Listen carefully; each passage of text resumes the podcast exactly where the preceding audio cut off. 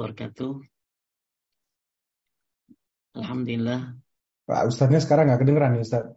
Cek, satu, dua, tiga. Nggak ada suaranya nih Ustadz. Halo. Apa saya yang salah ya? Jangan-jangan.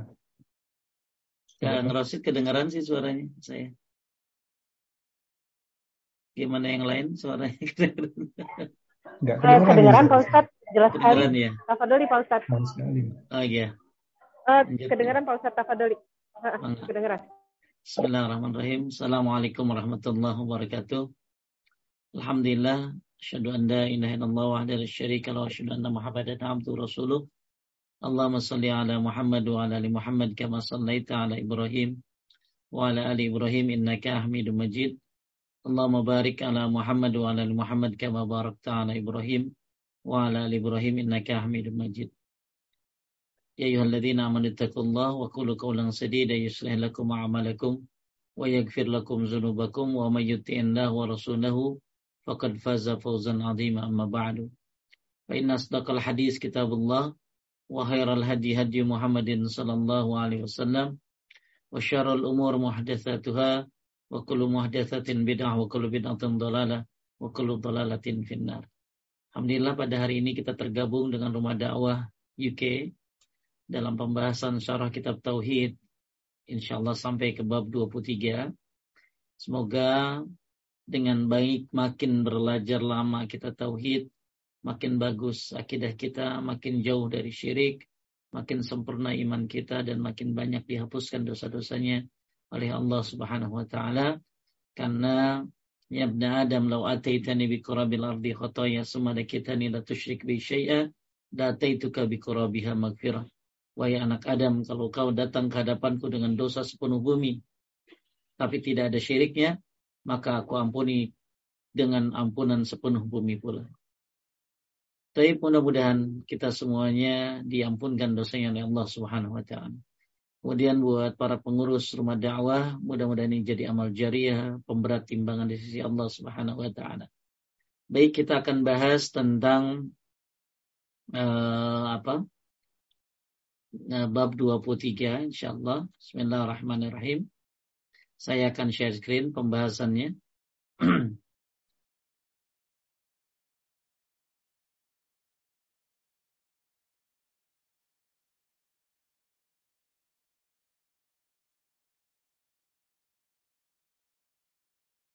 Bab 23 ini berisi tentang Sesungguhnya di kalangan umat ini ada yang menyembah berhala. Sebab mengapa penulis, maksudnya Syekh Muhammad bin Abdul Wahab rahimahullah menuliskan bab ini? Kenapa bab ini ditulis oleh beliau? Karena untuk membantah perkataan yang menyatakan bahwa kesyirikan tidak mungkin terjadi di kalangan umat ini. Jadi ada yang bilang umat Nabi Muhammad ya tidak akan melakukan kesyirikan katanya. Maka ini adalah bab bantahannya bahwa sesungguhnya di kalangan umat ini ada yang akan menyembah berhala. Kenapa? Ya, karena uh, ada yang berpendapat tadi saya katakan bahwa kesyirikan tidak mungkin terjadi di kalangan umat ini katanya. Sehingga peribadahan kepada kuburan dan wali-wali atau orang-orang soleh yang sudah meninggal bukan termasuk kesyirikan karena umat ini terjaga dari kesyirikan. Kata yang berpendapat demikian. Makanya Syekh menulis bab ini untuk membantah bahwa sesungguhnya di kalangan umat Nabi Muhammad SAW ada yang menyembah berhala. Nah di sini ada orang yang memakai riwayat ini.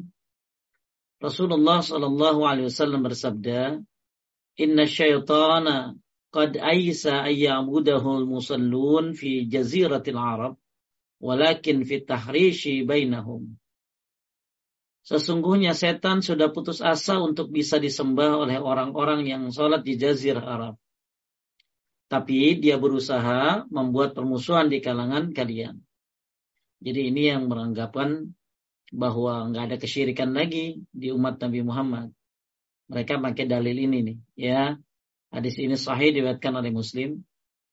Jadi ada orang yang menganggap bahwa tidak ada kesyirikan pada umat Nabi Muhammad. Jadi semua peribadahan kepada kuburan, wali-wali dan orang soleh itu bukan kesyirikan karena hadis ini. Ya, hadisnya yang dijadikan dalil oleh mereka adalah sesungguhnya setan sudah putus asa untuk bisa disembah oleh orang-orang yang sholat di Jazirah Arab, tetapi dia membuat permusuhan di kalangan kalian. Nah jawabannya, jawabannya atas bantahan uh, buat mereka yang mengatakan tidak ada kesyirikan adalah jawaban benda atas pendalilan dengan hadis ini adalah satu, udah bisa kebuka kan? suaranya, Kang Rashid? Uh, bisa, bisa. Ah, taib. Bahwa? Bahwa ini adalah persangkaan syaitan dan persangkaan ini bisa salah. Ya setan kan sama kayak manusia ya kan? Ya. Dia juga punya perasaan gitu ya. ya. Kemudian ya. yang serah, jadi ini persangkaan setan. Jadi syaitan ini sudah putus asa. Memang ada riwayat bahwa setan itu merasa capek ya, merasa capek kalau menggoda orang-orang yang yang yang beriman, orang-orang yang kuat akhlak uh, akidahnya. Memang ada riwayat-riwayat yang seperti itu. Tapi intinya ini bukan jadi dalil bahwa nggak ada kesyirikan di bumi ini. Ya, karena kalau dilihat dari dari dari fenomena dari dulu sampai sekarang ya kesyirikan itu ada. Dan banyak sekali ayat-ayat, hadis-hadis yang sudah kita bahas tentang masalah masalah kesyirikan. Sampai Nabi sendiri takut kesyirikan. Maka Nabi suruh kita baca Al-Kafirun sebelum tidur. Ya, fa innahu bara'atun minasyirik agar kita terbebas dari kesyirikan. Dan Nabi sendiri e, berdoa Allahumma inni a'udzubika an usyrika bika wa ana adam wa astaghfiruka lima adam. Nabi minta perlindungan kepada Allah untuk terhindar dari kesyirikan.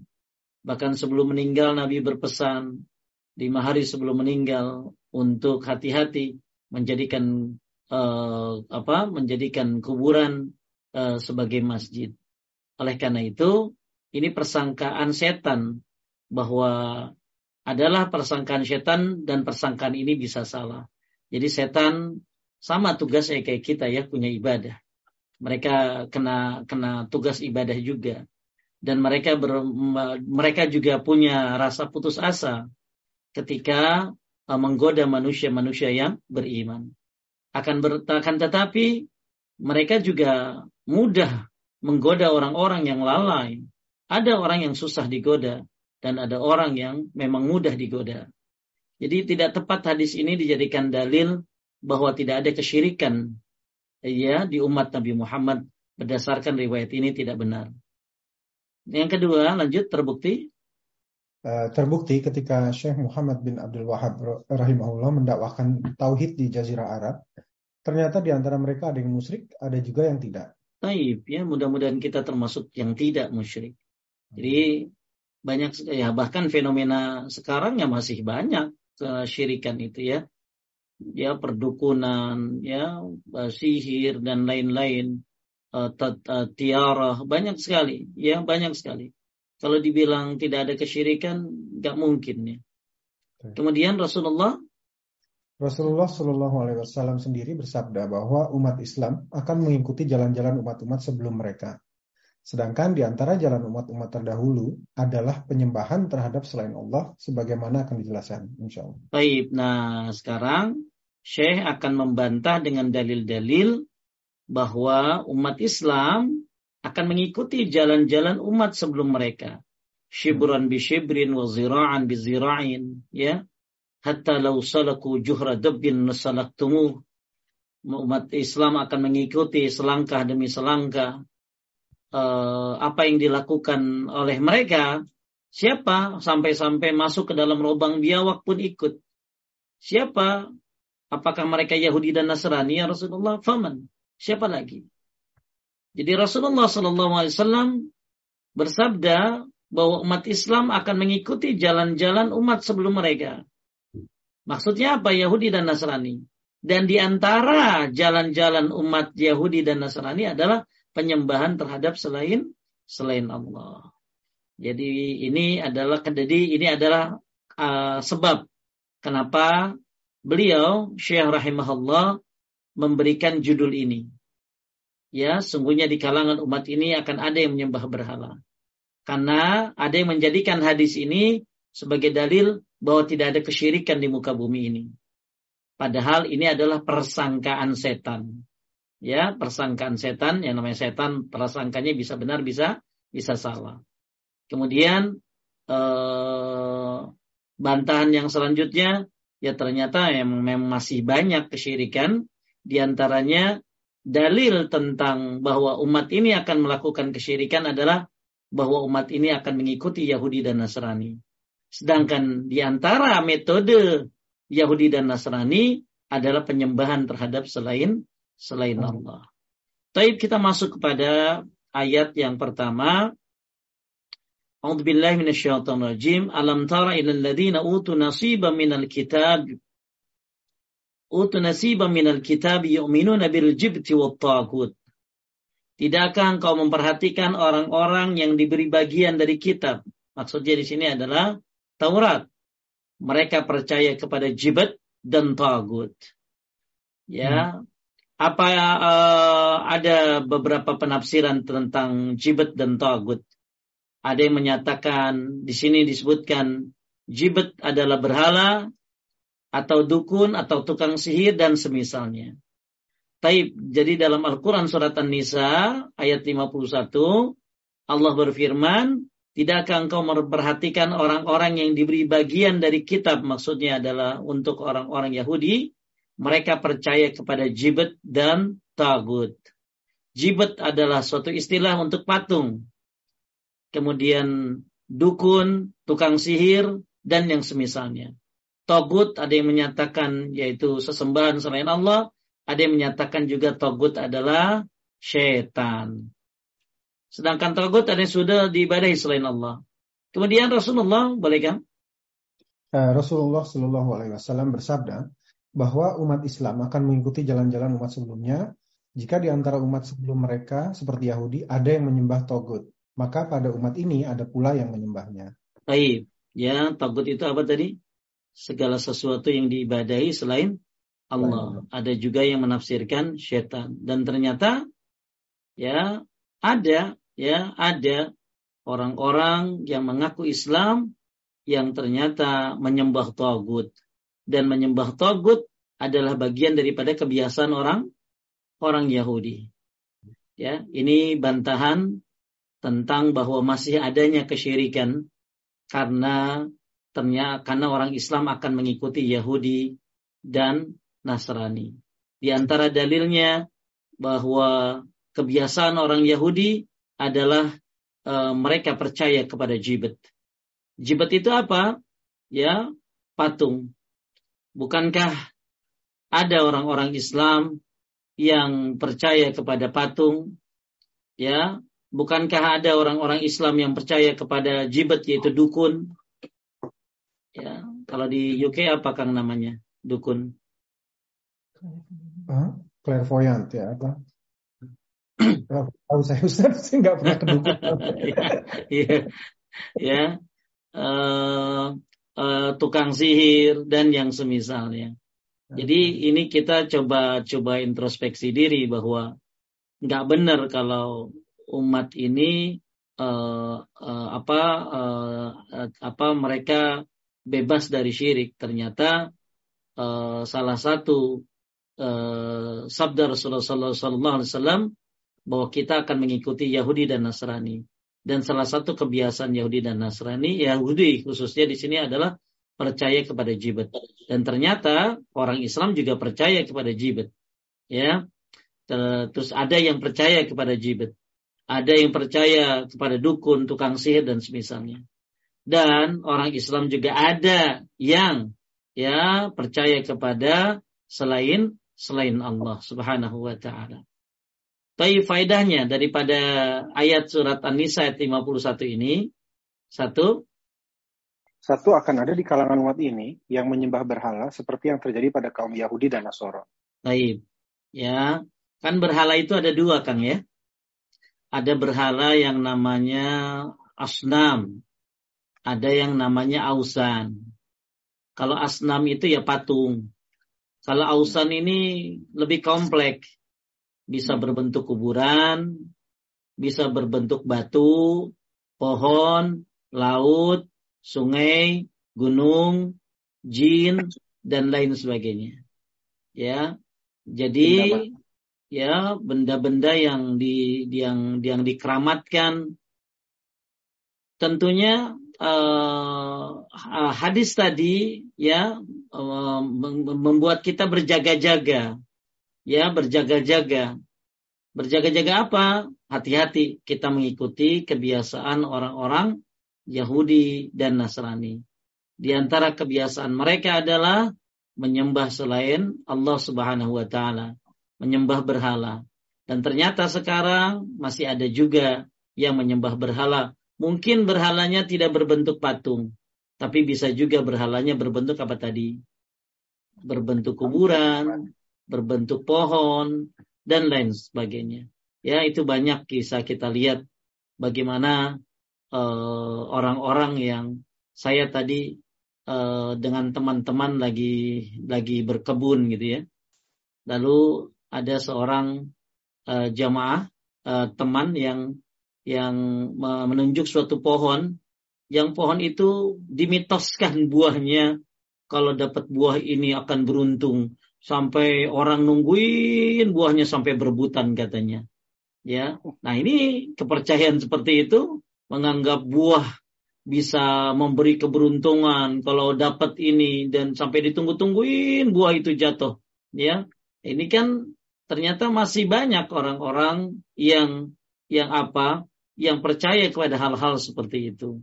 Dan tentunya Bapak Ibu di sekitar Anda, masyarakat, mungkin yang tinggal di pedesaan atau apa, lihat apakah tidak ada kesyirikan di daerahmu.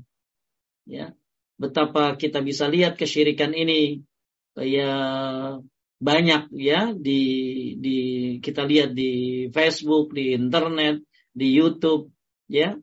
Maka kita belajar tauhid, agar kita sadar betapa pentingnya tauhid ini dan betapa masih banyak orang yang membutuhkan siraman tauhid.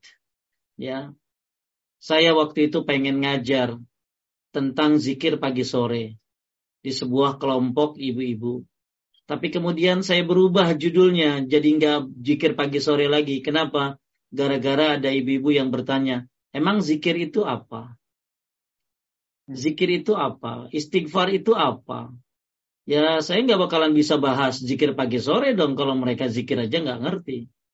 Bayangkan hal-hal yang seperti itu saja masih ada yang belum tahu. Bagaimana dengan masalah-masalah kesyirikan yang begitu tipis? Ya lebih lebih apa isinya? Lebih lebih tersembunyi, lebih hitam daripada semut hitam di atas batu hitam ya ada syirik besar, ada syirik kecil.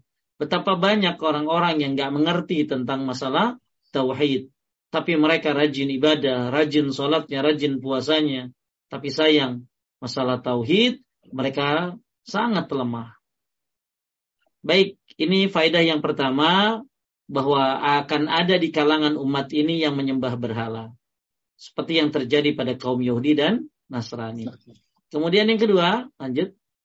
Uh, yang kedua, beriman kepada Jibit dan Togut dalam hal ini artinya menyetujui para pengagung keduanya, walaupun ia membenci dan mengetahui kebatilannya, sebagaimana disebutkan dalam sebab turunnya ayat. Taib, ya, maka hati-hati kita ber, uh, beriman kepada Jibet dan Togut. Saya ulangi ya, Jibet itu apa? Nih di sini dituliskan. Jibet itu adalah berhala, dukun, tukang sihir. Berhala ini bisa apa tadi? Bisa asnam, bisa ausan. Kalau asnam berarti patung, kalau ausan apa pun yang disembah misalnya seperti pohon, gunung, ya, dan lain-lain. Maka hati-hati dengan jibet, dukun, dan tukang sihir. Sedangkan togut, sesuatu yang diibadahi selain Allah, ada yang menyebutkan togut adalah setan. Poin inilah poin yang kedua. Hati-hati beriman kepada jibet dan togut. Ya. Kemudian yang ketiga. Yang ketiga, mengingkari jibet dan togut itu wajib dalam semua kitab-kitab yang diturunkan dari langit. Taib, ya. Yang keempat. Yang keempat, wajibnya beramal dengan ilmu. Siapa yang tidak beramal dengan ilmu, dia menyerupai Yahudi dan Nasoro. Taib, ya. Makanya menuntut ilmu adalah sebuah kewajiban. Talabul ilmi faridatun ala kulli muslim. Bahkan sampai mati kita menuntut ilmu. Ya, bukan cinta bola sampai mati itu. Bukan main pespa cinta sampai mati itu. Bukan ama istri dan suami cinta sampai mati itu. Tapi cinta sampai mati adalah dengan ilmu. Karena dengan ilmu kita bisa berbeda dengan mereka. Ya, makanya kita uh, disuruh untuk menuntut ilmu. Kata Syekh Ali Syekh, tujuannya adalah satu untuk mengangkat kebodohan. Kenapa orang bisa syirik? Karena kebodohan. Yang kedua, tujuan daripada menuntut ilmu adalah untuk beribadah dengan benar. Ya, bagaimana kita bisa beribadah dengan benar kecuali dengan ilmu? Kemudian yang terakhir adalah agar kita berhadapan dengan Allah nanti dengan akidah yang bersih. Ya, dengan akidah yang bersih, bersih dari kesyirikan, bersih dari syubhat-syubhat.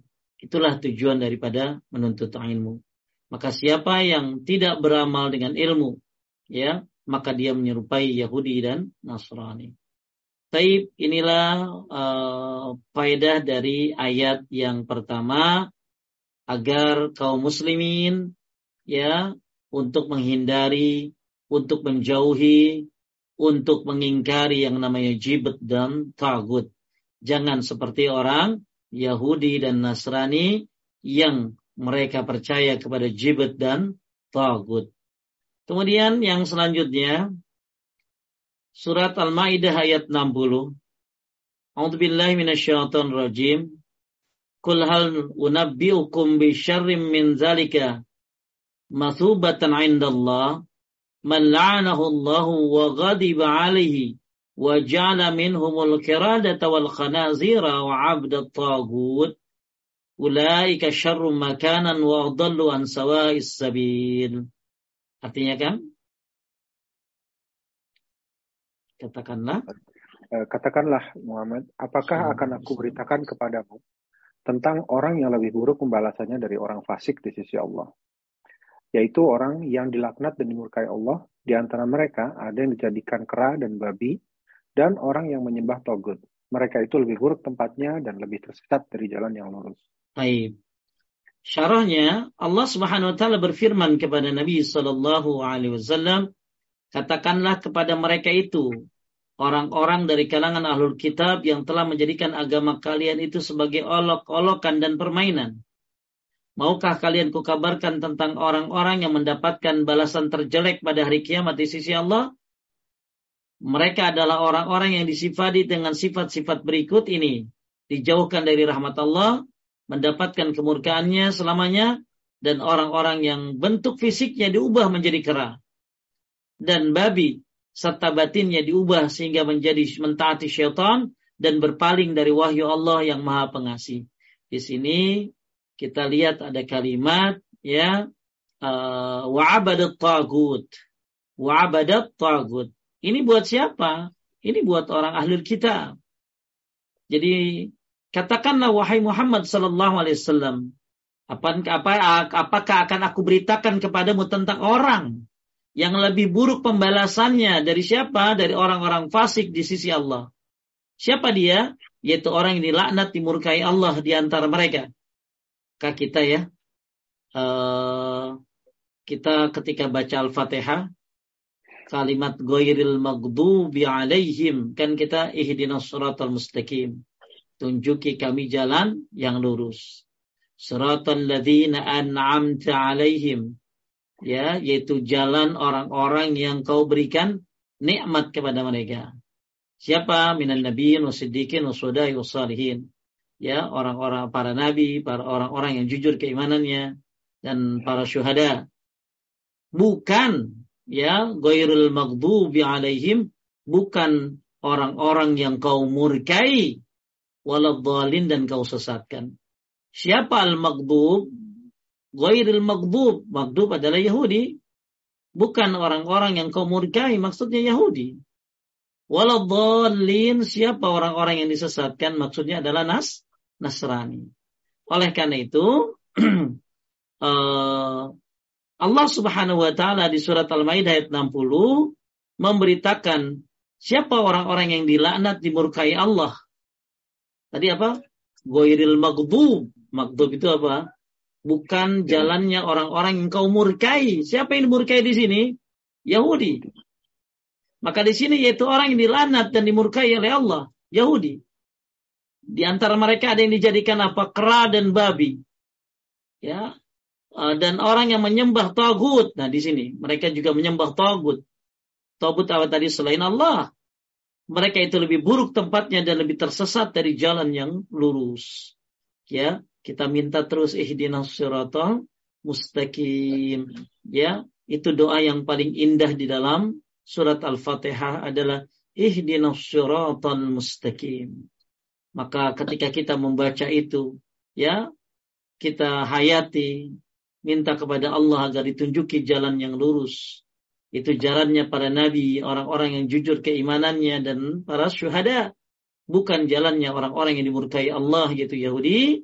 Sebagaimana di sini juga disebutkan di surat Al-Maidah ayat 60, mereka adalah orang-orang la'anahullah wa ghadiba alaih. Allah melaknat mereka dan memurkai mereka orang-orang Yahudi. Dan kita juga nggak mau sejalan uh, mengikuti jalannya orang-orang yang di, disesatkan yaitu orang-orang Nasara.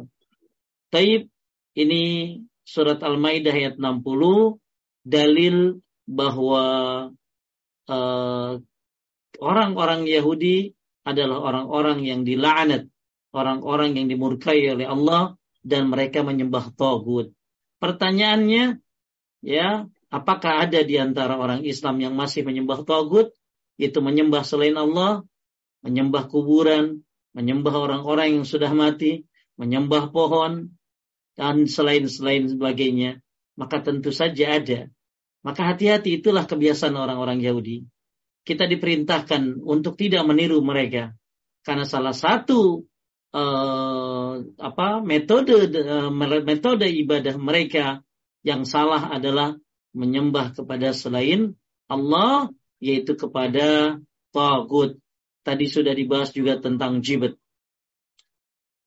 Kita lihat sifat-sifat ini cocok bagi kalian wahai ahlul kitab dan bagi orang-orang yang menyerupai kalian tapi tidak tepat bagi kami. Faedah lanjut. Uh, faedahnya yang pertama, telah terjadinya kesyirikan di kalangan umat Islam. Sebagaimana di kalangan ahlul kitab pun ada yang menyembah tagut. Baik, umat Islam ada yang menyembah tagut ya ada. Kita kita tidak pungkiri. Ada, masih banyak. Bahkan tugas ustadz-ustadz masih jauh sekali. Ya, maka saya berharap di antara anak-anak, ibu-ibu mungkin, ya, atau jamaah-jamaah di UK ada mereka orang-orang yang menjadi pendakwah-pendakwah tauhid, ya, karena betapa luar biasanya kita butuh kepada mereka pendakwah-pendakwah tauhid ini. Bahkan seluruhnya di kata ulama salaf dikerahkan untuk mendakwahkan tauhid. Karena segitu pentingnya tauhid yang sudah pernah kita bahas. Betapa banyak keutamaan-keutamaan tauhid menyebabkan banyak sekali keutamaan-keutamaan di dunia dan di akhirat maka penting untuk terus mendakwahkan baik itu lewat media sosial walaupun dengan dengan cara-cara yang di di, uh, dimudahkan kita untuk berdakwah. Maka Bapak Ibu sekalian yang dimuliakan Allah, ya bahwa masih banyak kesyirikan-kesyirikan di kalangan umat Islam, sebagaimana juga orang-orang Islam yang meniru ahlul kitab, di antaranya adalah menyembah tagut. Kemudian yang kedua, di kalangan di kalangan ahlul kitab pernah ada yang dihukum oleh Allah uh, oleh Allah Azza wa Jalla dengan dijadikan kera dan babi. Tapi mereka tidak mempunyai keturunan, sehingga kera dan babi yang ada sekarang ini bukan keturunan mereka. Ya, ya. Jadi di antara mereka, saking sesatnya, Kang ya, ada yang sampai dirubah, dirubah sehingga dirubah menjadi kera dan babi. Ya, semoga Allah melindungi kita. Kenapa sampai dirubah begini? Tentunya ada hal-hal yang yang tentunya di luar batas Kenapa mereka sampai dirubah seperti kera dan babi? Maka kaum muslimin harus belajar dari dari apa? Jangan mencontoh dari kesalahan-kesalahan mereka yaitu orang-orang ahlul kitab.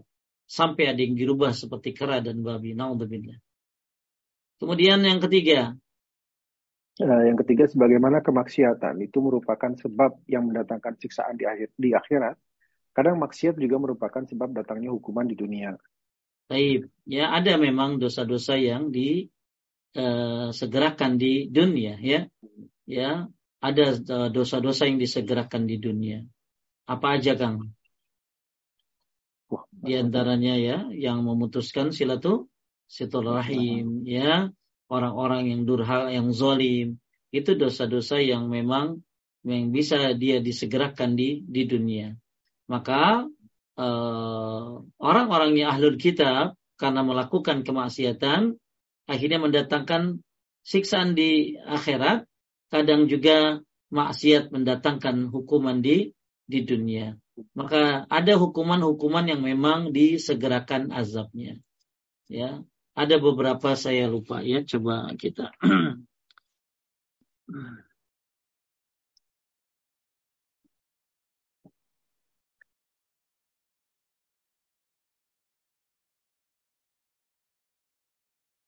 ini dia kurang lebih kan. Ya. Dosa-dosa yang disegerakan ya di, di, di disegerakan azabnya ya. Maka hati-hati kita melakukannya di antara rakus dan tamak terhadap dunia. Nah, ini termasuk disegerakan ya azabnya. Kenapa? Ya karena orang yang yang apa orientasinya hidupnya ya adalah dunia maka Allah jadikan dia kefakiran ada di depan matanya. Allah cerah beraikan urusannya dan dunia tidak menghampirinya kecuali apa yang sudah ditakdirkan untuknya. Kemudian orang yang zalim dan durhaka kepada orang tua. Ada dua pintu amalan yang disegerakan balasannya di dunia, kezoliman dan durhaka pada orang tua. Kemudian yang ketiga, di antaranya adalah meninggalkan dakwah. Ah, ini Bang. Meninggalkan dakwah. Amar ma'ruf dan nahi mungkar ya maka penting dakwah itu ya apalagi dakwah tauhid ya nggak harap banyak ya kalau ngajar tauhid mah ya kalau bahasan-bahasan tematik bisa ratusan bisa ribuan kali ya. Tapi kalau dakwah tauhid mah ya jangan harap banyak ya. Kecuali ada hadiahnya kali umroh bisa banyak gitu. Maka untuk berdakwah tauhid ini ya eh, yang ngajar juga kudu sabar ya. Apalagi penyelenggara dakwahnya ya kudus kudus ya. sabar. Kenapa? Ya karena kalau kita tidak kalau yang ngajarin yang bilang begini eh hey, itu syirik itu banyak eh tahu harus bertauhid itu banyak tapi yang nerangin syirik itu ABCD dia tauhid itu ABCD apa yang harus dilakukan ABCD ia hanya orang-orang yang konsisten terhadap dakwah tauhid. Maka hati-hati, jangan sampai karena beratnya dakwah tauhid akhirnya meninggalkan dakwah. Ya, ditakutkan nanti akan dapat apa? Dapat azab. Ya, kenapa? Nah, ini dia. Boleh sedikit Kang biarnya semangat. Rasulullah Shallallahu alaihi wasallam bersabda, bersabda perumpamaan orang yang melaksanakan amar ma'ruf dan orang yang tidak melakukannya ibarat suatu kaum yang naik sebuah kapal Kemudian sebagian ada yang di atas dan sebagian lain ada yang di bawah. Kemudian orang yang berada di bawah apabila ingin mengambil air, maka mereka melewati orang-orang yang ada di atasnya dan otomatis mengganggunya. Maka orang-orang yang ada di bawah berkata, seandainya kita lubangi saja perahu ini, niscaya kita bisa mengambil air dengan mudah tanpa mengganggu orang yang ada di atas kita. Maka jika mereka biarkan melaksanakan apa yang mereka inginkan, niscaya mereka semua akan tenggelam binasa. Dan apabila mereka dicegah, maka mereka semua akan selamat. Nah, inilah dakwah. Ya, yang dirikan kalau di VVIP di atas, VIP di tengah, hmm. yang orang-orang miskin di bawah. Orang miskin hmm. capek kali ngambil air ke atas mulu. Ya, nimba, lewatin orang kaya. Orang kaya juga enak kali lihat orang miskin kan. Akhirnya mereka punya perasaan, udah kita bolongin aja tuh bawah kapal. Kalau dibiarkan, tenggelam semuanya. Inilah dakwah. Ketika hmm. dibiarkan, maka akan tenggelam semuanya. Ya, akan dapat azab semuanya. Maka demikianlah Rasulullah memberi perumpamaan tentang bahaya meninggalkan amar ma'ruf yang mana Allah taala menyegerakan akibat meninggalkan dakwah sebagaimana dituturkan oleh Rasulullah sallallahu alaihi wasallam sesungguhnya jika manusia melihat orang yang berbuat zalim kemudian tidak mencegahnya maka dikhawatirkan Allah akan mengirim azab kepada mereka secara merata. Nah, ini banyak sekali ya. Kemudian sombong ya.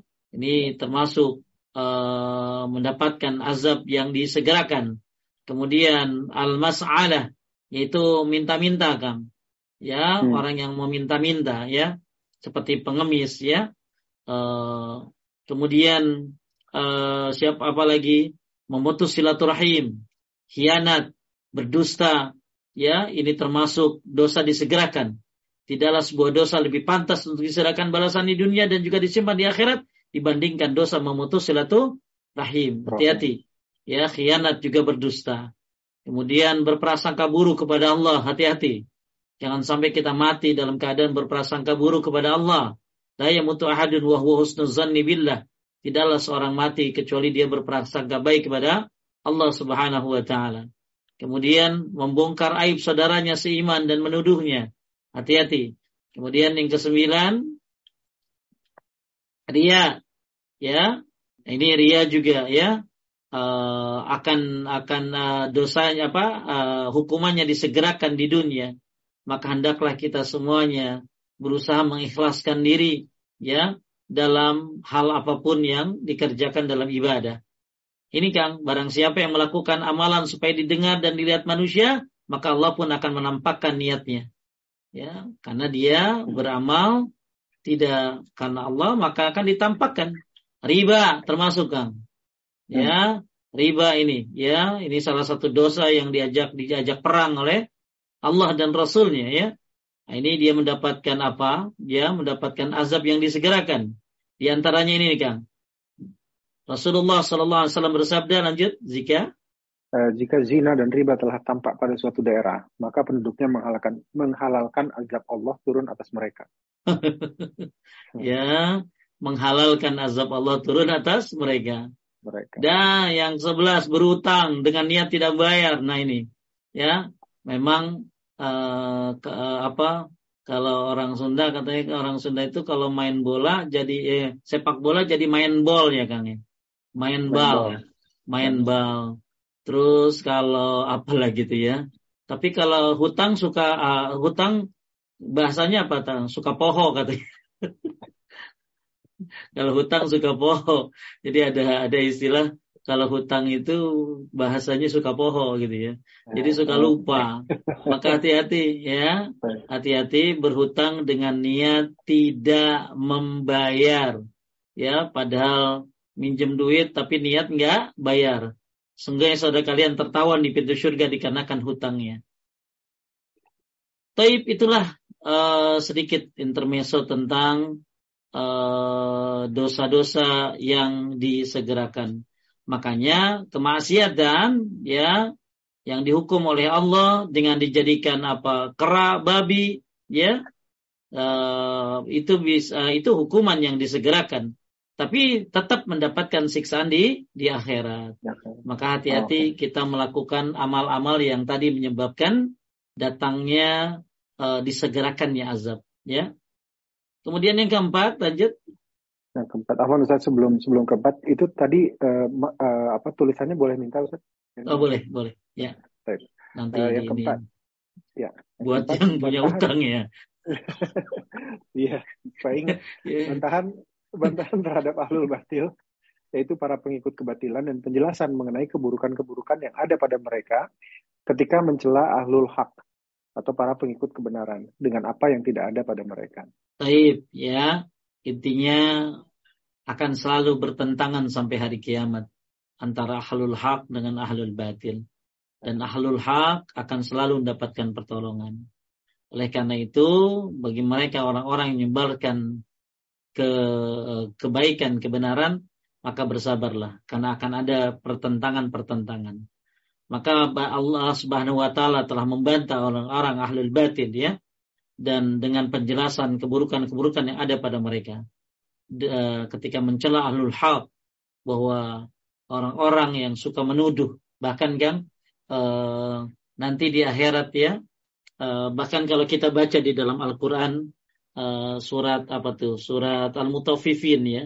Di surat Al-Mutaffifin itu bahwa orang-orang sedikit saya buka mungkin mereka suka apa tuh? Suka suka meng, uh, suka mengolok-olok orang orang-orang kaum muslimin. Disebutkan di dalam Al-Qur'an uh, innal ladzina ajramu kanu minal ladzina amanu yadhakun ya mereka orang-orang yang berdosa adalah mereka yang dahulu mentertawakan orang-orang yang beriman. Maka di surat apa nih? Surat Al-Mutaffifin ya. Surat Al-Mutaffifin ayat 29. Mungkin bisa di-share Kang tuh. Baik. Semuanya orang yang berdosa adalah mereka oke. Okay. Nah, saya saya share saya share screen aja ya, Tad. Ya, itu. Ya.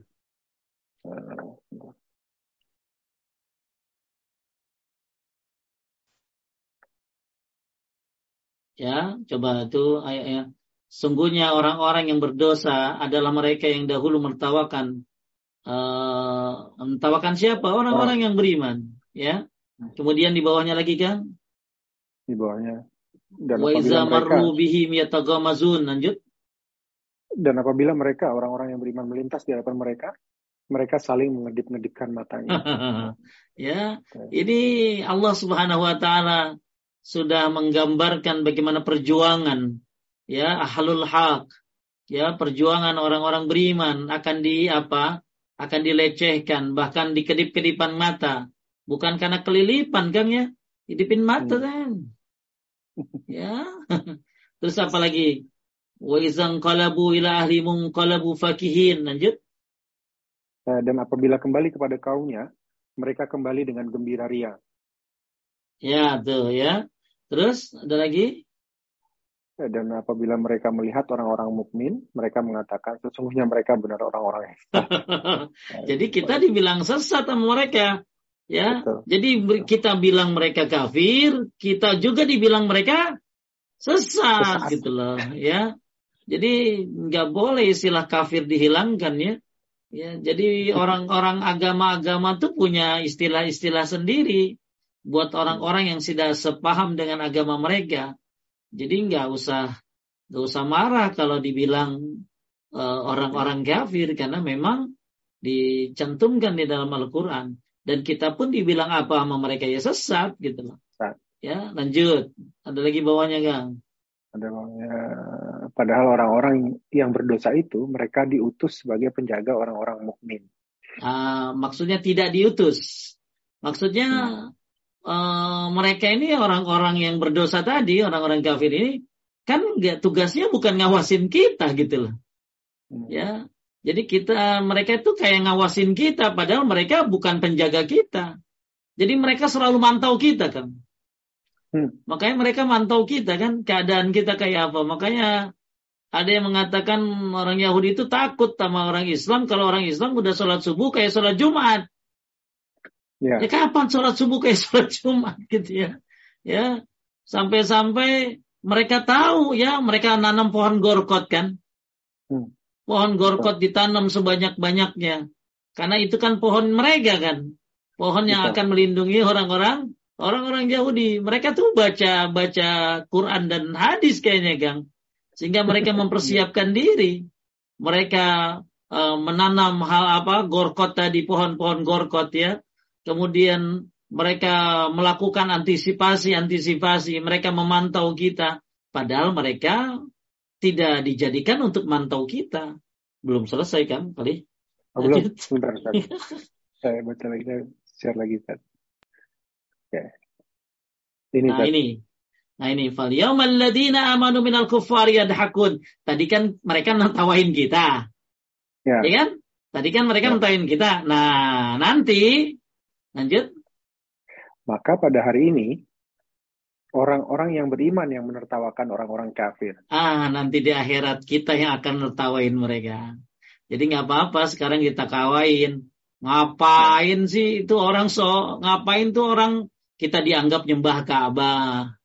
ya kita dianggap oh capek-capek ibadah tiap hari orang Islam mah begini begitu Gak apa-apa diketawain sekarang. Nanti fal yaumal ladina amanu minal kuffari yadhakun. Maka pada hari ini orang-orang beriman akan menertawakan orang-orang kafir. Nanti ada ada waktunya. Ya, ada waktunya. Jadi kesalnya ditahan aja dulu. Ya, lanjut. Ya. Uh, mereka duduk di atas dipan-dipan, melepas pandangan. Siapa nih mereka ini, Kang? Kita. Kita. Ya, oh, okay. kita akan duduk di atas dipan-dipan sambil memandang. Ya, hmm. memandang siapa? Memandang ada yang menyebutkan memandang Allah. Yang kedua memandang pemandangan surga. Ada yang bilang yang ketiga kan memandang mereka sedang disiksa. Ya, ya nah, ya, jadi mereka sedang disiksa. Ya, kita akan tonton nanti mereka itu. Ya, hal suibal kufaru makanu yaf'alun. Apakah orang kafir itu diberi balasan hukum terhadap yang mereka perbuat? Taib ini uh, kalau bahas tafsirnya enak banget kan. Semangat itu. Ya, ya supaya kita nggak apa sih nggak down ya. Masya Allah. Ya. Seperti itulah perjuangan dalam dalam dakwah ada hasilnya. Mereka mentawakan, mereka mengatakan sesat, ya. Kita sabar, insya Allah balasannya ahla minal asal. Balasannya lebih manis daripada madu. madu. Kelihatan selanjutnya kan saya screen ya? Uh, punya, ya kelihatan. Kelihatan. Selanjutnya yang... nomor lima ya? Ya.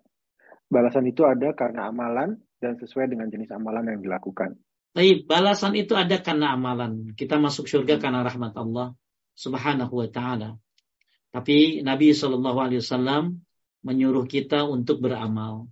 Maka disuruh kita beramal. Dan nanti Kang lewat sirot itu gimana amalnya? Ya, hmm.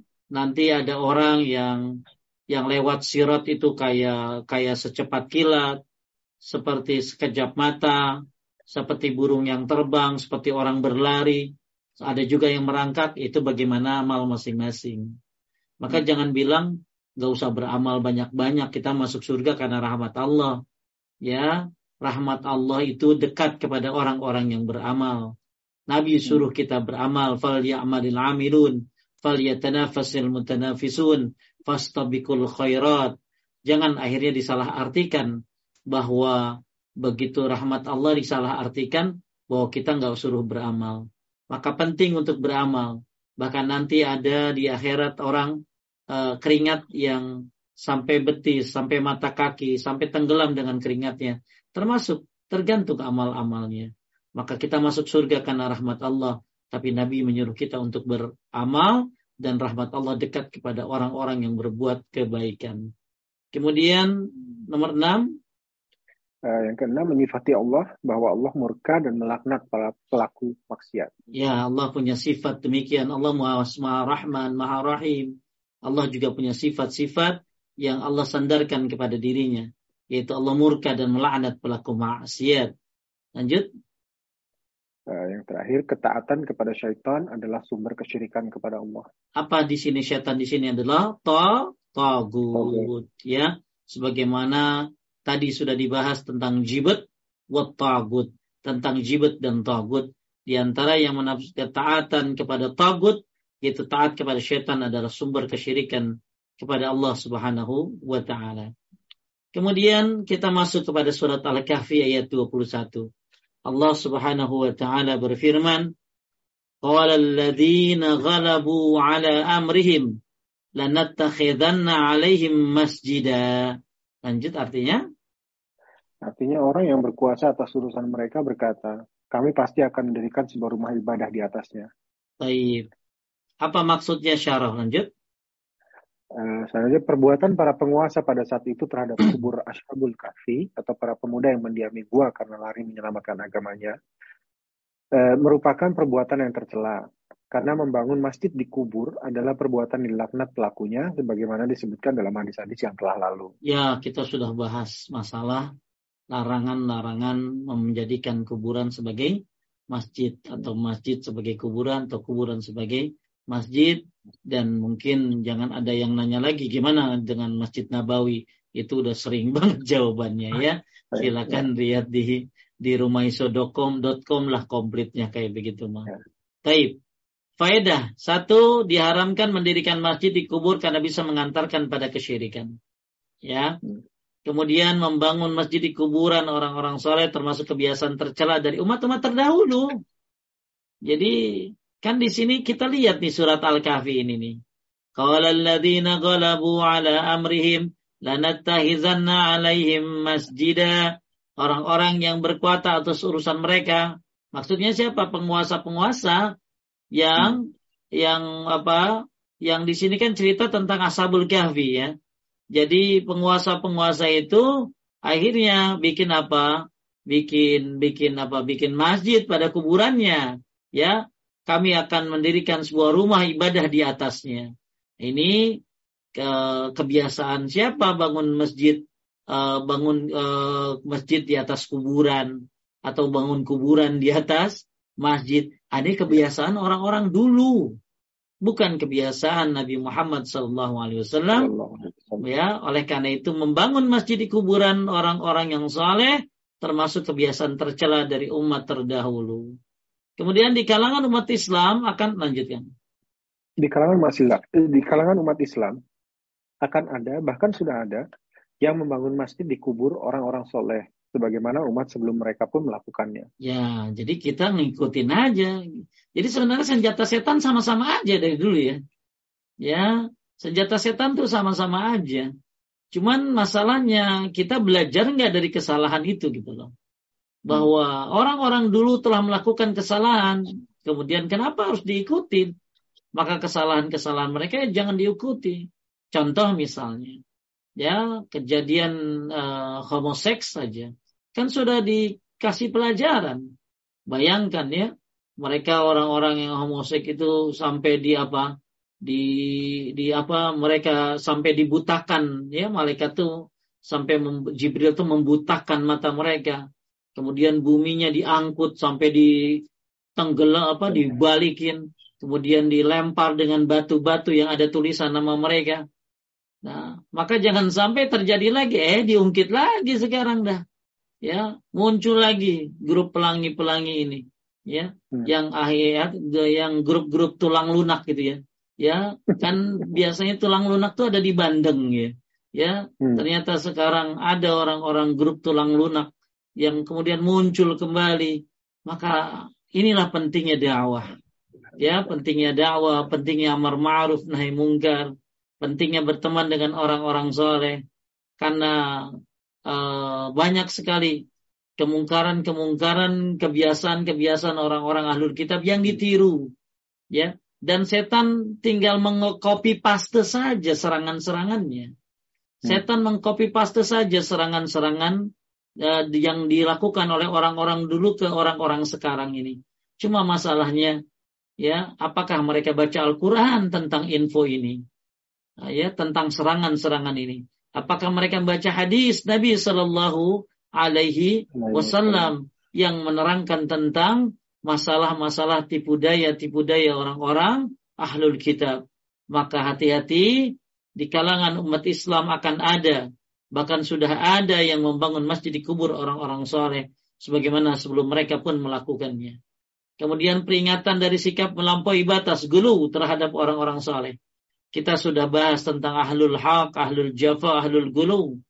Kalau ahlul jafa ini orang yang tidak memberikan kehormatan pada orang soleh. Menyia-nyiakan hmm. orang soleh. Kalau ahlul gulu ini berlebih-lebihan kepada orang-orang soleh. Kalau kita ahlul haq, kita hmm. tidak uh, kita menghormati mereka, tapi kita tidak berlebih-lebihan kepada kepada orang-orang soleh orang soleh. Kemudian terakhir kan? Membangun masjid di kuburan orang-orang soleh itu termasuk sikap gulu terhadap mereka. Taib dan kebiasaan orang-orang dahulu, dahulu. Dahulu. Jadi kita lagi lagi bahas kebiasaan Yahudi dan Nasrani intinya gitu aja. Hmm. Ya, dan ini jangan sampai ditiru ya, ditiru oleh kaum muslimin dan muslimat. Walaupun Nabi sudah mengisyaratkan akan ada apa? sunanu man kana qablakum shibran bi shibrin wa zira'an bi zira'in ya hatta lau salaku juhra dabbin lasalaktumu ya bahwa umatku akan mengikuti ya uh, sahasta demi sahasta ya sejengkal demi sejengkal. Sampai mereka masuk ke lubang dob. Dob itu bukan biawak ya. Dob itu ada binatang halal itu di Arab kadal gurun ya. Dob itu ya. Itu halal itu bukan biawak. Sampai mereka masuk lubang dobkun uh, kita akan ikut gitu loh. Ya Rasulullah al Yahud dan Nasr apakah mereka Yahudi dan Nasrani? Faman. Siapa lagi? Ya. Makanya Bapak Ibu sekalian yang dimuliakan oleh Allah Subhanahu wa taala Syaikhul Islam menerangkan pula bahwa ketika kita sholat kita baca Al-Fatihah sebagaimana tadi sudah saya terangkan ya bahwa kita minta kepada Allah Subhanahu wa taala agar diselamatkan dari jalan orang yang dimurkai dan yang sesat yaitu jalannya ahlul kitab Yahudi dan Nasrani. Karena sebagian umat Islam sudah ada yang terjerumus mengikuti jejak kedua golongan tersebut. Bahkan kata Imam Nawawi rahimahullah ketika menjelaskan hadis tentang apa tadi tentang sungguh kalian akan mengikuti jalan-jalan orang sebelum kalian sejengkal demi sejengkal, sehasta demi sehasta sampai masuk ke lubang dob tadi kata Imam Nawawi ya. Yang dimaksud dengan uh, maksudnya adalah permisalan bahwa tingkah laku kaum muslimin sangat mirip nah, dengan tingkah laku Yahudi dan Nasrani. Yaitu kaum muslimin siapa yang mencocoki mereka dalam kemaksiatan dan berbagai penyimpangan. Ya maka hati-hati dengan penyimpangan-penyimpangan yang menu, yang mengikuti mereka.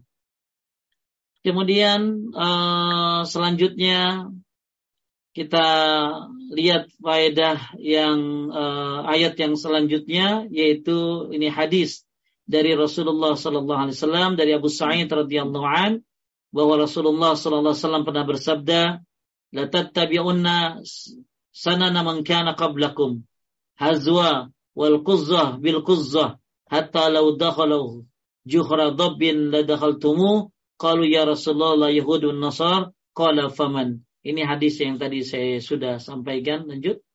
Artinya? Uh, sungguh kalian akan mengikuti dan meniru tradisi umat-umat sebelum kalian. Bagikan bulu anak panah yang serupa dengan bulu anak panah lainnya. Sampai kalaupun mereka masuk ke lubang biawak, niscaya kamu akan masuk ke dalamnya pula. Para sahabat bertanya, Wahai Rasulullah, orang-orang Yahudi dan Nasranika? Beliau menjawab, lalu siapa lagi? Nah, ini ini lebih ditekankan lagi di sini. Apakah Yahudi dan Nasrani? Faman. Siapa lagi? Ya, siapa lagi? Syarah dalam lanjutkan. Eh, dalam hadis ini, Nabi Shallallahu Alaihi Wasallam ingin menjelaskan bahwa semua hal yang dilakukan orang-orang Yahudi dan Nasrani pasti akan dilakukan juga oleh umat, umat beliau, yaitu umat Islam. Tidak ada yang ditinggalkan sedikit pun. Lanjut. Di antara jalan perkara-perkara yang dilakukan umat sebelum kita, Yahudi dan Nasrani, ada yang tidak mengeluarkan pelakunya dari agama, seperti memakan riba, hasad, berbuat aniaya, dan dusta. Namun ada juga perbuatan mereka yang dapat mengeluarkan dari agama, yaitu membuat pelakunya murtad seperti menyembah berhala. Baik, ya, itu riba itu termasuk ini yang dari Yahudi ya, Kang ya? Ya, ya dari ya. Yahudi. Waduh, kasihan Kang. Saya berapa hari yang lalu uh, ketemu sama orang yang terjerat pinjaman online. Sampai ya. dia ada 17 aplikasi online itu utang semua itu. Ya, terjerat dari 14 juta sampai 88 juta. Nah, ini kasihan sekali. Ya, metode orang-orang kita dijerat dengan riba ini.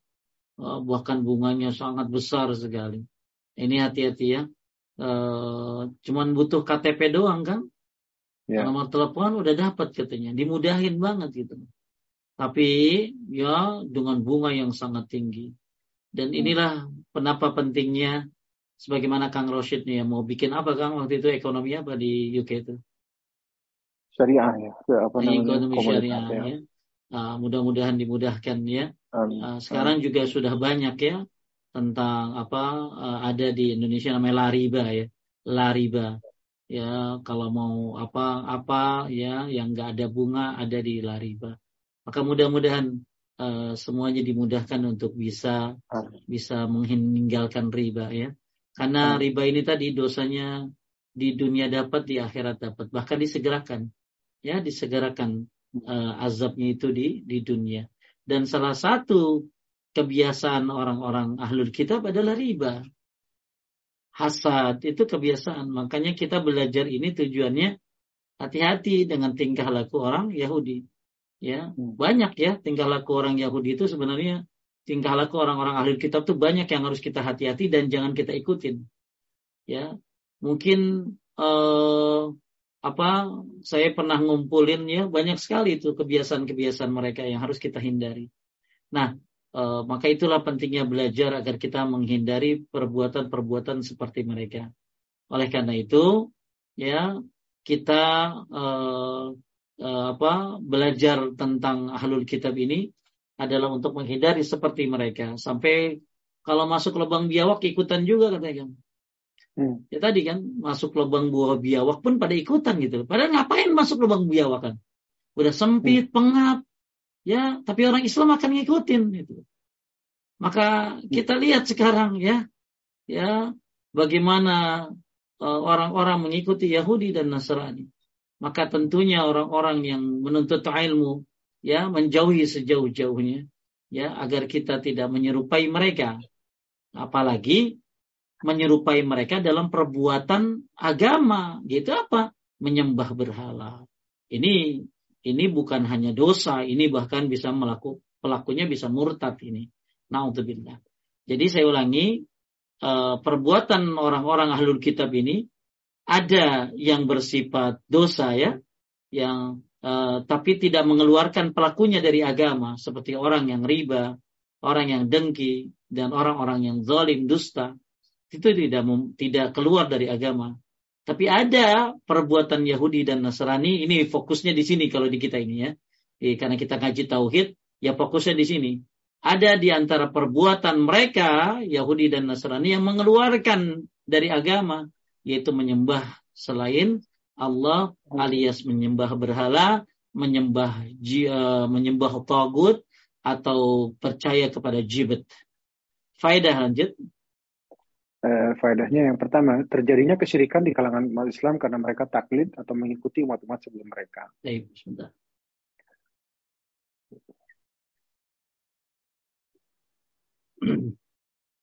Banyak sebab-sebab kesyirikan itu ya. Sebab-sebab kesyirikan itu banyak sekali. Salah satunya adalah bodoh tentunya. Salah satunya lagi, ini dia, taklid. Apa itu taklid? Ya, follow. Ya, ngikut-ngikut tanpa ngerti. Ngikut-ngikut tapi nggak pakai mikir. Ya, mengikuti apa? Mengikuti umat-umat sebelum mereka. Maka sebab-sebab kesyirikan salah banyak sekali. Salah satunya adalah taklid. Ya, apa sih namanya? Ya, itulah taklid buta ya. E, mengikuti umat-umat sebelum mereka.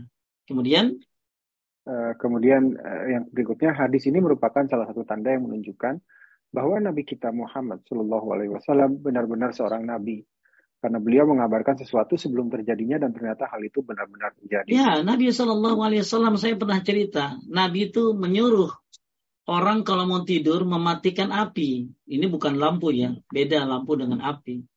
Ya, mematikan api. Kenapa? Karena api bisa disenggol oleh binatang, bisa terjadi kebakaran. Nabi menakutkan umatnya terjadi kebakaran di dunia. Dan apalagi Nabi menakutkan umatnya masuk ke dalam neraka. Maka Nabi memberikan tanda-tanda kayak begini nih. Memberikan apa uh, isyarat-isyarat tentang akan terjadi. Nggak akan sampai orang-orang yang nggak menuntut ilmu mah. Nggak akan sampai, nggak akan dengar beritanya. Orang-orang yang nggak ngaji mah. Ya, nggak akan tahu berita-berita seperti ini orang-orang yang tidak menuntut ilmu. Maka ini bagi orang-orang yang menuntut ilmu beruntunglah. Kenapa? Karena Nabi sudah mengabarkan banyak hal sampai hal-hal yang belum terjadi atas izin Allah Nabi diberitahu untuk disampaikan kepada umatnya dan ini adalah bentuk kasih sayang. Di antaranya adalah ya tadi ya mengikuti Yahudi dan Nasrani sampai masuk ke lubang biawak. Bayangin lubang biawak kan gelap sempit, ngapain diikuti? Tapi sampai segitunya orang mengikuti Yahudi dan Nasrani. Maka ini peringatan buat kita semuanya. Kemudian peringatan dari sikap tasyabuh menyerupai orang-orang kafir. Ya. Kemudian lanjut. Eh, peringatan dari perbuatan orang-orang kafir, baik berupa kesyirikan maupun hal lainnya yang Allah haramkan. lalu bertanya kepada ulama tentang sesuatu yang samar hukumnya. Dan yang terakhir, menjelaskan suatu perkara yang sifatnya maknawi atau tidak tampak dengan memberikan contoh-contoh dari hal-hal yang bisa dicapai panca indera. Ini adalah salah satu metode pengajaran dalam Islam. Taib, ya inilah faedah-faedah dari pembahasan uh, hadis tadi. Si banyak nggak kan? Aduh. Ini yang satu panjang Ustaz. Taib kita lihat hampir sama semua sih intinya ya. Uh, taib satu lagi tanggung nih. Ya, ini ya. kan udah satu lagi. Nah, ini panjang. Oh, ini lebih panjang lagi ini. Tapi hampir sama lah ya. Hampir hmm. sama tentang masalah masalah eh, hati-hati uh, mengikuti ahli ahli kita. Mungkin ada yang nanya, Kang? Uh, baru satu pertanyaan titipan, tapi kalau ada yang mau mengangkat tangan silahkan di raise hand nanti kita akan beri kesempatan. Kita langsung Baik. ke penanya aja nih, Seth. Baik, boleh. Uh, apa misalnya sebelum ke pertanyaan yang titipan ini tadi saya di awal uh, kajian itu kan ada permusuhan ya katanya sebenarnya di uh, awal uh, sabda Rasulullah sungguh syaitan itu sudah putus asa untuk bisa disembah hmm. oleh orang-orang yang sholat di Jazirah Arab ini pertama hmm. yang ingin saya tanyakan ini yang dimaksud orang-orang yang sholat di Jazirah Arab ini umat kita sekarang atau yang sebelumnya lalu yang kedua tetapi dia berusaha membuat permusuhan di kalangan kalian. Ini permusuhan antara umat Islam yang di Jazirah Arab ini atau umat Islam secara keseluruhan. Saya, Taib. Allahu alam. Akan tetapi uh, ini kan uh, setan berprasangka, berprasangka hmm. pada saat itu ya, pada ya. saat itu. Sungguh karena setan nggak nggak tahu masa depan. Jadi ini uh, kasus di zaman di zaman dia ya di zaman ya. di zaman uh, setan ini uh, ketika di zaman uh, Nabi Shallallahu Alaihi Wasallam setan merasa putus asa untuk bisa disembah oleh hmm. orang-orang hmm. yang sholat di Jazirah Arab. Ya, andai ini cerita pada zaman Nabi, ya iyalah. Gimana dia nggak putus asa? Hmm. Ya, karena ada Nabi di situ kemudian hmm. para sahabatnya ya ini kan ini kan hadis sih kang ya ini kan hadis ya. berarti hadis ini disampaikan di zaman Nabi Shallallahu Shallallahu Alaihi Wasallam maka eh, setan bagaimana tidak putus asa menghadapi eh, Nabi dan para sahabat yang begitu kokoh akidah mereka bahkan Umar bin Khattab kalau lewat setan minggir segitunya tuh. Ya, kalau sekarang kita lewat setan juga lewat ya. Lewat. Ya, kalau sekarang kita lewat setan lewat ya. Ya, mereka berani sama manusia. Bahkan mereka sudah jadi artis film ya. Dibikin judul-judul ya, suster ngesot, suster ya. apalah ya. Ya dan lain bahkan dijadikan masakan ada sambal setan ya dan lain sebagainya. Maka nggak boleh ya uh, dengan nama-nama seperti itu. Kemudian, uh, uh, tapi ini dalil sekali lagi saya sampaikan bukan menjadi dalil bahwa setan bahwa tidak ada kesyirikan, ya, tidak ada hmm. kesyirikan. Akan akan tetap ada kesyirikan itu karena tadi hak dan yang batil pasti akan selalu ada. Yang soleh ya. dan yang tidak soleh pasti ada.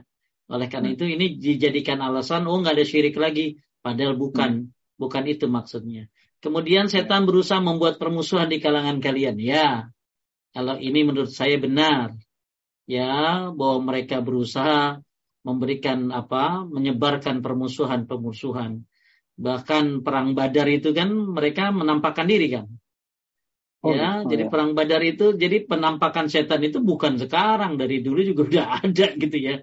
Ya, hmm. Jadi perang Badar itu kan ada setan. Jadi kalau dibaca tafsirnya dalam tafsir Ibnu Katsir tentang uh, saya baca tafsir Ibnu Al-Qutubi kalau salah ya, tentang bagaimana uh, setan itu memprovokasi agar orang menyerang Nabi Muhammad SAW. Maka dia menyaruh jadi manusia kan. Hmm. Ya, maka saya takutkan tuh orang-orang yang provokasi-provokasi itu setan takut-takut. ya, ya. Jadi dia memprovokasi. Tapi uniknya kan begitu pasukan ketemu dia kabur. Oh. Ya, dia bilang ini ahafullah, aku takut kepada Allah dan aku bisa melihat apa yang tidak kalian lihat. Jadi dia tuh curang gitu loh. udah pasukan amprok, gara-gara dia panas-panasin, amprok, dia kabur. Itu kerjaan dia kan begitu. Maka lihat di tafsir surat An-Nas. Ya, alladhi waswisu apa? Uh, min syarril waswasil khannas alladhi waswisu fi sudurin nas minal jinnati wan nas. Dia tafsir Ibnu Katsir. Salah satu kerjaan setan adalah membuat orang mengikuti kehendak setan, lalu setelah dia melakukan sesuatu, maka dia kabur. Habis hmm. ngebunuh anaknya, ditanya, nyesel nggak? Nyesel. Kau kenapa bisa melakukan? Gak tahu ya, setan udah nggak tanggung jawab. Ya, jadi tidak peri kesetanan dia. Ya, karena memang setan ya. Oleh karena itu membuat permusuhan ini memang kerjaan kerjaan si setan lah. Maka oleh hmm. karena itu kita minta kepada Allah Subhanahu wa taala dengan doa-doa zikir pagi sore di antaranya apa? Wa min apa?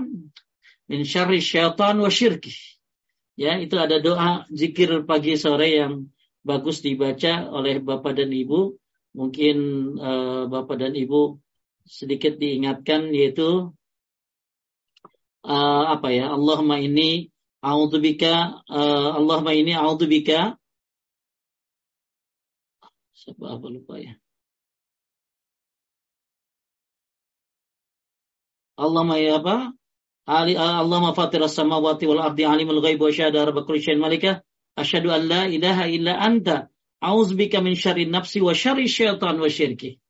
Ini doa dibaca bagus pagi sore dan sebelum tidur kan ya di, juga dibaca sebelum tidur Allahumma fatiras samawati wal ard alimul ghaib wa syahada Eh, Rabba kulli syai'in wa malikah. Nah ini dia.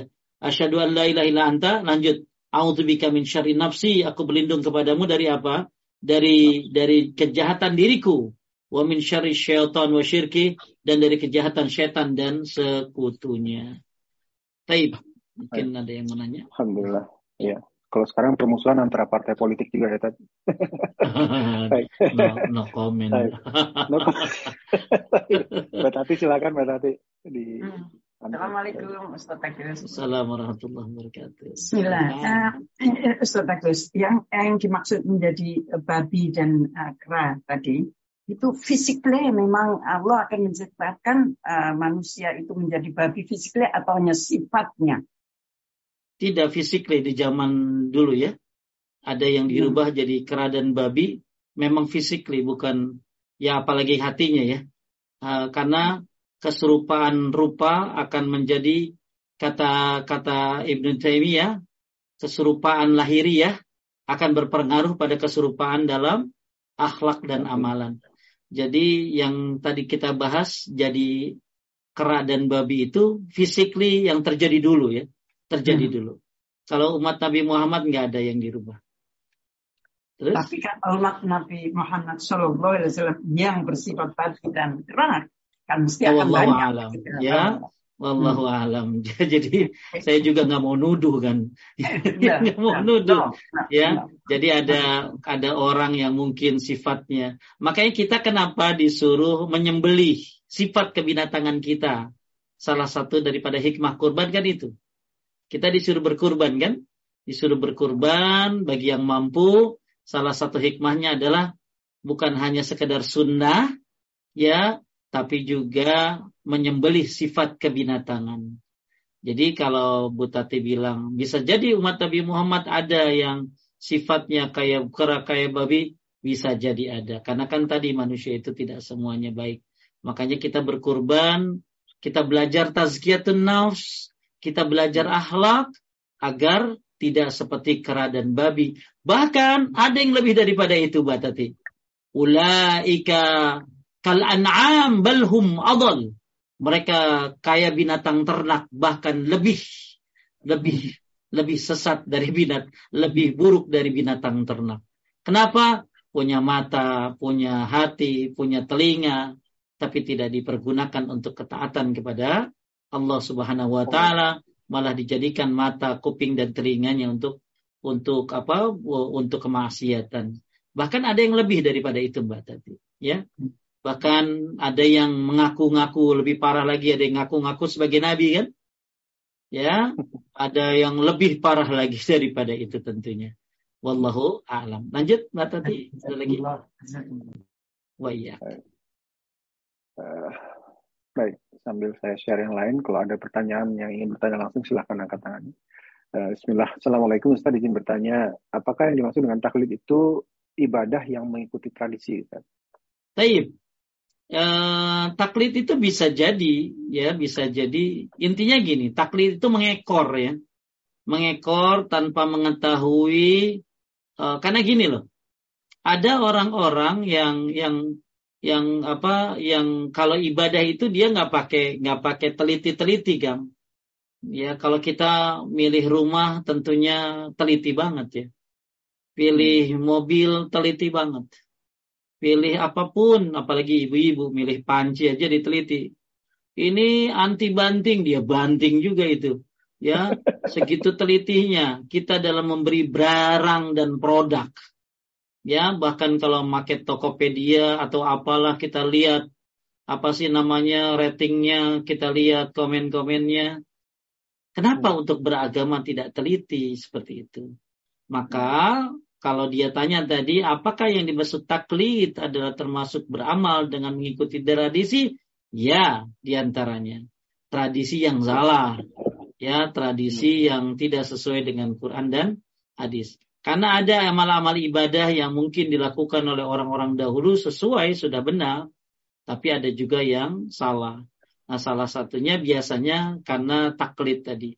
Taklid ini e, mengekor ya tanpa mengetahui dalilnya, pokoknya asal ikut-ikutan. Nah, ini nggak boleh begini. Orang Islam itu harusnya e, meneliti apa yang sudah dia amalkan ya apakah ini ada dalilnya atau tidak. Kan uh, apa? Al ilmu qabla al amal ilmu dulu sebelum beramal. Lanjut. Berikutnya Ustaz uh, ini pertanyaan terakhir malam ini. Bismillah Ustaz. Uh, kalau tasyabub atau menyerupai orang kafir apakah hanya dalam masalah ibadah? Tapi tasyabuh itu ada dua macam ya. Tasyabuh yang diharamkan dan tasyabuh yang mubah. Tasyabuh yang haram adalah segala perbuatan yang apa? Yang menjadi kekhususan orang-orang kafir dan diambil dari ajaran orang kafir, tidak diajarkan dalam Islam. Ya, terkadang disebut dihukumi dosa besar, bahkan ada yang sampai kafir. Jadi tasyabuh ya itu ada dua, tasyabuh terhadap orang kafir itu tasyabuh yang diharamkan ya bahkan uh, bukan hanya dosa bisa jadi kafir. Itu tadi ya menyembah berhala. Itu kan uh, kebiasaan mereka. Tapi kalau tasyabuh yang berdosa seperti tadi riba itu itu kan berdosa tapi tidak keluar dari Islam ya. Kemudian ada lagi uh, tasyabuh yang kedua adalah tasyabuh yang dibolehkan. Apa? Segala perbuatan yang asalnya sebenarnya bukan dari orang kafir akan tetapi orang kafir melakukannya. Ya maka tidak mengapa menyerupai dalam hal ini. Ya namun bisa jadi luput karena tidak menyelisih mereka. Contohnya ya contohnya uban ya uban. Uban itu uh, uban kan putih itu ya. Disunahkan kan jika warnanya itu diubah selain warna hitam. Namun jika dibiarkan pun tidak tidak apa-apa, ya. Nah, eh, makanya eh, apa eh, apa kita disuruh mengapa mewarnai rambut yang putih kan, ya, hmm. agar tidak menyerupai mereka gitu loh. Ya, jadi kalau yang udah putih disuruh diapain tadi? di, di, di ya. apa di, di diwarnai ya di diwarnai ya yang sudah putih itu supaya menyelisih mereka kan jadi mereka tuh hmm. nggak kalau ubanan nggak mau diwarnain Kang. Nah Nabi nyuruh hmm. yang udah ubanan diwar. Jadi intinya dalam riwayat yang udah suruh nah, ini tasabuh boleh kan gitu ya. Hmm. Ya. Contoh misalnya ya. Uh, tapi ada syaratnya ya tasabuh yang boleh itu ya. Ya. Ya misalnya pakai barang-barang itu yang apa ya produk-produk mereka itu kan ya boleh itu boleh gitu loh ya. Jadi tasyabuh yang boleh itu seperti itulah yang paling gampang zaman sekarang gitu loh. Oh kalau hmm. nggak hmm. boleh sama orang kafir nggak boleh pakai window lu ya salah itu tasyabuh yang boleh gitu loh. Ya, hmm. jadi yang nggak boleh itu satu dalam apa tadi dalam dalam tasyabuh yang diharamkan yaitu dalam perkara yang bukan dari ajaran Islam bersifat apa bersifat ibadah-ibadah kebiasaan-kebiasaan mereka maka yang uh, hal ini uh, tidak boleh di, diikuti ini tasyabuh ada tasyabuh yang haram jadi tasyabuh ini tidak hanya dalam masalah apa ibadah ya kan bisa kebiasaan-kebiasaan mereka kayak tadi hasad hasad itu kan kebiasaan Yahudi. Ya, oh, gitu. tapi iya kita makanya mereka itu orangnya hasad kan. E, makanya kita mereka tuh benci banget sama orang yang ngucapin amin kan. Makanya kita kalau sholat amin tuh yang kenceng gitu loh. Kalau laki-laki ya, kalau perempuan enggak. Ini mah badan gede, toto, bo, badan gede, koker, begitu amin, dia pelan banget gitu loh. Coba deh lihat deh di dalam kitab fikih tentang keutamaan amin. Orang ya. Yahudi itu orang yang hasad. Dan mereka hmm. tuh hasad banget sama orang Islam dua hal. Satu kalau ngucapin salam, dua kalau dengerin amin. Maka kita sebarkan salam. Assalamualaikum, Assalamualaikum. Itu bikin mereka hmm. gedek gitu loh. Bikin mereka hasad. Satu lagi amin gitu loh. Maka kalau kita waladhalin, amin. Yang kencang. Ini badan gede ya, ya karena mungkin nggak tahu keutamaannya ya. Nah ini jadi tasyabuh itu ada yang haram ya e, seperti hasad, riba itu haram. Tapi ada juga yang bisa membuat murtad yaitu keluar dari kelu, e, menyembah berhala intinya. Jadi hmm. bukan hanya dalam masalah ibadah saja tapi dalam masalah akhlak ya. Akhlak dusta, sombong itu kebiasaan mereka kan, bukan kebiasaan hmm. kaum muslimin. Maka banyak sih ya sebenarnya kebiasaan-kebiasaan mereka. Jadi bukan hanya dalam masa ibadah tapi kebiasaan akhlak juga. Nah tasyabuh yang boleh itu tadi ya uh, apa uh, enggak apa tasyabuh yang misalnya akang punya punya uban nggak diwarnain nggak apa-apa gitu loh ya, ya. Uh, apa-apa. Jadi orang-orang uh, ahli kitab itu kalau punya uban nggak diwarnain kita juga nggak apa-apa. Makanya yang sunnah diwarnain gitu loh ya diwarnain ya, ya itu. Ya. Ada ada yang mau nanya nih langsung nih, sebentar ya. Uh, Pak Lasmono dari Surabaya, silakan Pak, di unmute. Pak Lasmono, silakan Pak. Oh, kelihatannya belum siap ini belum open. Sambil nunggu nih Ustaz, dari saya ada pertanyaan balik lagi nih mengenai masjid dan oh udah ada siap. Sok, uh, Pak Lasmono monggo. Halo. Halo, mangga Pak. Bisa Pak. Loh, ketutup lagi. coba di coba dibuka lagi Pak Lasmono ya. Nah, sambil nunggu nih Ustaz, kalau misalnya mengenai masjid dan makam nih Ustaz. Kalau misalnya ada masjid yang udah terlanjur ada makam di sekitarnya nih Ustaz. Untuk mengakalinya kan susah mindahin makam. Dengan mindahin masjid kan susah nih. Kalau kita bikin tembok gitu misalnya itu gitu Ustaz. Asal tidak jadi satu halaman, tidak satu halaman ya. Tidak ya, satu halaman. Dalam, kalau dalam satu halaman, terus karena susah untuk mindahin, terus kita bikin pemisah gitu antara itu dengan ya. bikin tembok baru, itu boleh. Bikin kita. tembok baru, kalau bisa dua lapis kan. Dua lapis. Dua ah, lapis, ya, atau dipisahin jalan. Pisahin jalan, oh, dipisahin jalan, jalan. ya, dipisahin jalan. Jadi agar tidak sekomplek ya, agar nah, tidak ya. sekomplek. Oh, Jadi dipisahin jalan, ada yang menyaratkan di tembok tapi temboknya satu ada yang bilang cukup tapi dua lebih hati-hati hmm. ya di tembok dua jadi ada bentengnya ada juga uh, bangunan masjidnya jadi dua tembok kan tuh ya, ya uh, lebih hati-hati maka Nabi bentengnya kan tiga ya kan tiga ya. tembok uh, masjid Nabawi itu kuburan Nabi itu tiga tembok dia baik, baik. Pak Lasmono kelihatannya udah bisa nih Pak yeah, yeah. Assalamualaikum Ustaz Agus Assalamualaikum warahmatullahi wabarakatuh Ya mau tanya soal berhala ini Ustaz.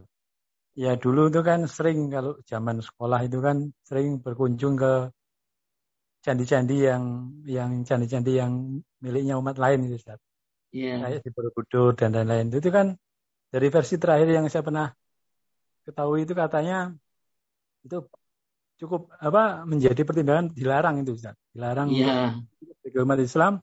Nah, cuman khusus untuk Borobudur saya pernah juga membaca di eh, dilihat di YouTube itu kan karyanya Fahmi Bahasa ahli matematika dari Medan atau dari mana itu ternyata dari analisa dia selama bertahun-tahun bahwa Borobudur itu peninggalan Nabi Sulaiman. itu analisa yeah. ilmiah Ustaz. Ini analisa ilmiah. Ya tahu, saya juga pernah baca Pak. Ya, uh, saya juga pernah baca. Lanjut.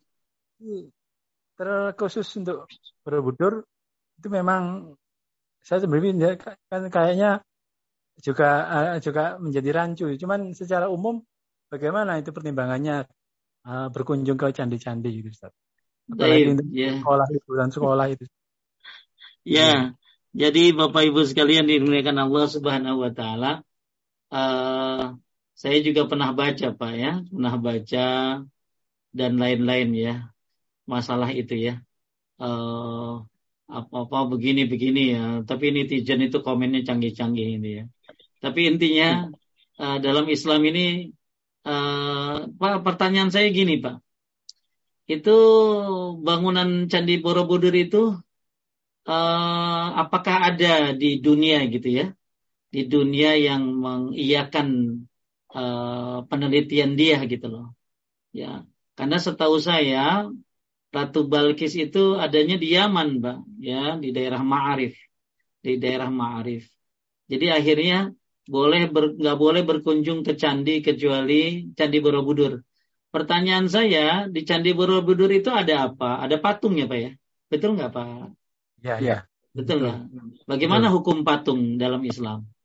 Oh gitu ya. Uh, apakah Nabi Sulaiman melanggar perintah Allah? Kan gitu loh ya. Lucu juga sih ya. Kalau ya, ya. Nabi Allah bikin patung kan lucu gitu ya. ya. ya. Belum lagi Pak, ada satu yang berbahaya Pak Laksmono. Di di mana tuh? Di candi itu itu ada satu, saya belum pernah ya, tapi dengar dari orang yang balik ke situ, itu pada berebutan megang sesuatu di dalam ya Pak ya. Apa namanya? Oh, iya. Zaman SD, Ustaz. Zaman ah, SMP. Katanya kalau megang itu jadi beruntung. Itu syirik kan, iya. Pak? Iya, ya, iya. itu syirik ya.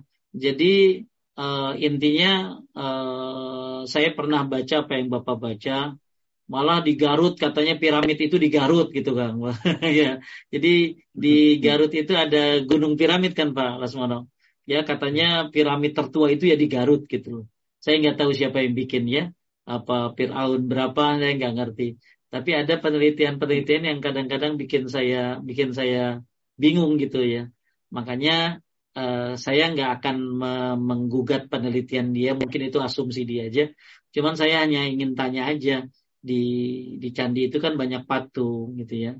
Apakah ya. dibolehkan dalam syariat bikin patung gitu ya ya. Kemudian ya. tadi Pak di dalamnya banyak kesyirikan. Tentu Pak Laksmana dulu megang juga ya. Iya, Ustaz, megang. megang juga. Iya. Masih kanak-kanak, Ustaz. Masih kanak-kanak kan belum tahu, ya. Belum Makanya itu banyak Pak sampai cerita, "Eh, kalau megang itu untung loh, untung loh." Nah, itu kan nggak boleh kayak begitu ya. Iya, ya. ya. Intinya ya uh, ya semua ya semuanya. Jadi pada pada apa uh, rekreasi ini kan hati-hati rekreasi itu jangan sampai ke tempat-tempat yang yang maksiat, ya apalagi bisa syirik ya Pak ya. Nauzubillah udah bayar capek syirik lagi. Ya, wah oh, itu ya. ruginya banyak tuh Pak Laksmono. Ya. ya. Tapi mudah-mudahan kita ya, uh, dimudahkan. Ya, sami-sami Pak. Makasih. Barakallahu fiik. Waalaikumsalam warahmatullahi wabarakatuh. Baik, Alhamdulillah. Um, kelihatannya sudah untuk malam ini pertanyaan sudah selesai nih Ustaz. Uh, jadi kita mohon mohon bantuannya intisari dan sekalian ditutup. Baik. Bapak Ibu sekalian yang muliakan Allah Subhanahu wa taala, kita malam ini belajar tentang tingkah laku ahlul kitab.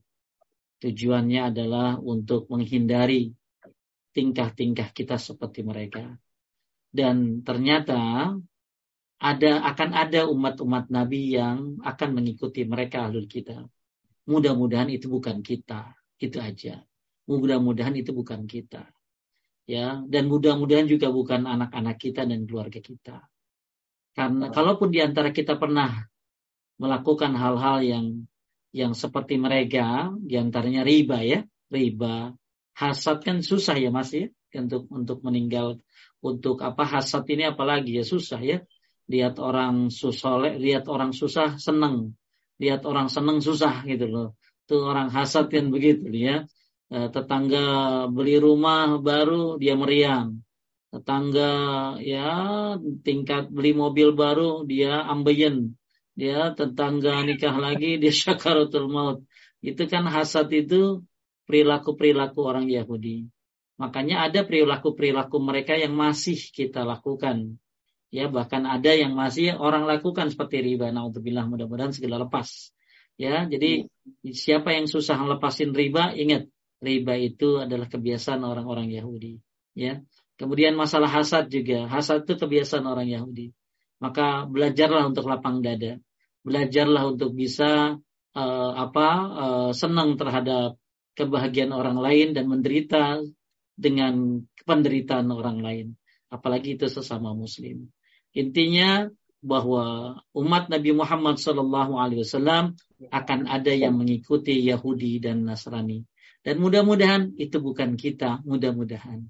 Maka kita belajar ini agar kita bisa menjauh dari kebiasaan mereka. Yang paling penting adalah kebiasaan yaitu togut. Jibet dan togut. Itu kebiasaan yang bisa mengeluarkan kita dari Islam na'udzubillah. Itu menyembah selain Allah. Itu yang paling fatal.